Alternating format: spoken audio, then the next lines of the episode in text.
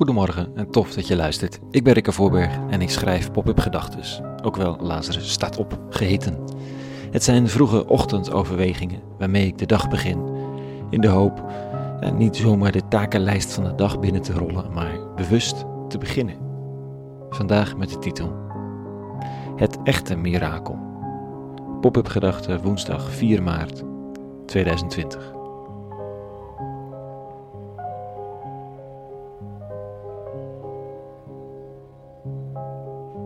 Wonder heet het eigenlijk, hè? maar is zo'n mooi woord.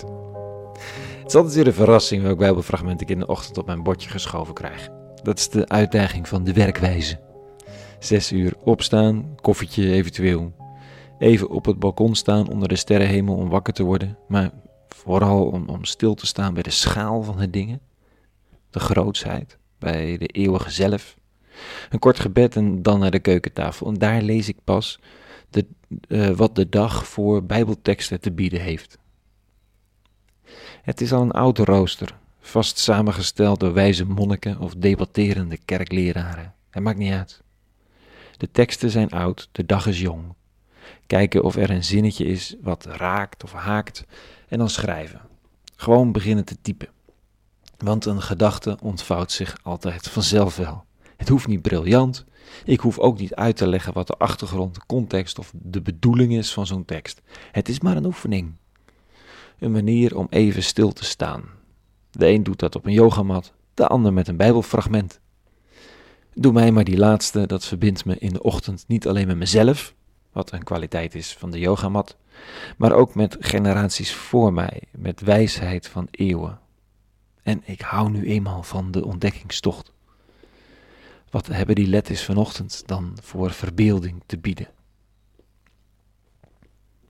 Ik lees vanochtend een stuk over Jona. En de meeste mensen zijn wel enigszins bekend met Jona en de walvis. We hebben Jona als een groot uitgevallen stuk plankton tussen de belijnen doorglipt en drie dagen in de maag van zo'n beest bivakkeert. Fantastische kinderverhalen, absurdistisch onmogelijk. Maar ja, daarom heet het ook een mirakel of een wonder. Mooie vertellingen ook. De beste man overleeft het en wat daarna gebeurt is al gauw weer een beetje in nevelen gehuld voor iedereen die niet al te bijbelvast is opgevoed. Maar het echte wonder begint daarna pas. Het mirakel. Een belangrijk, belangrijk mirakel. Eentje waarvan je zou hopen dat iemand die herhaalt in de wereld van nu. Dat je toch in je handjes zou knijpen. Laat die walvismishandeling maar zitten. Ik vind het toch zielig voor zo'n beest, hè? Ronddobberen. Met zo'n grote vent als een steen in je maag en daarna hem moeten uitkotsen op het strand.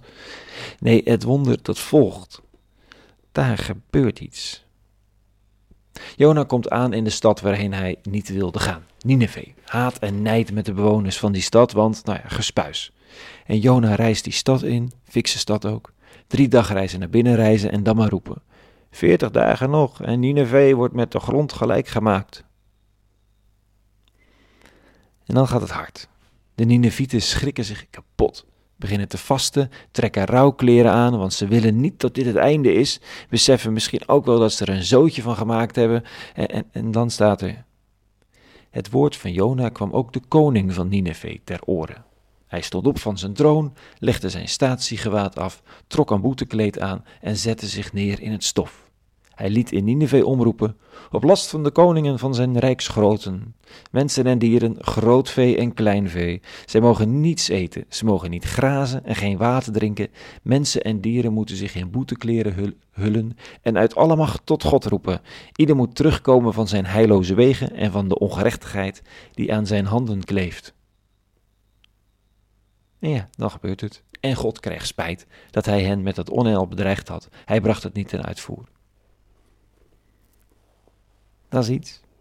En een profeet reisde drie, dagen, eh, drie dag reizen Europa binnen. En zei nog veertig dagen en Europa wordt met de grond gelijk gemaakt.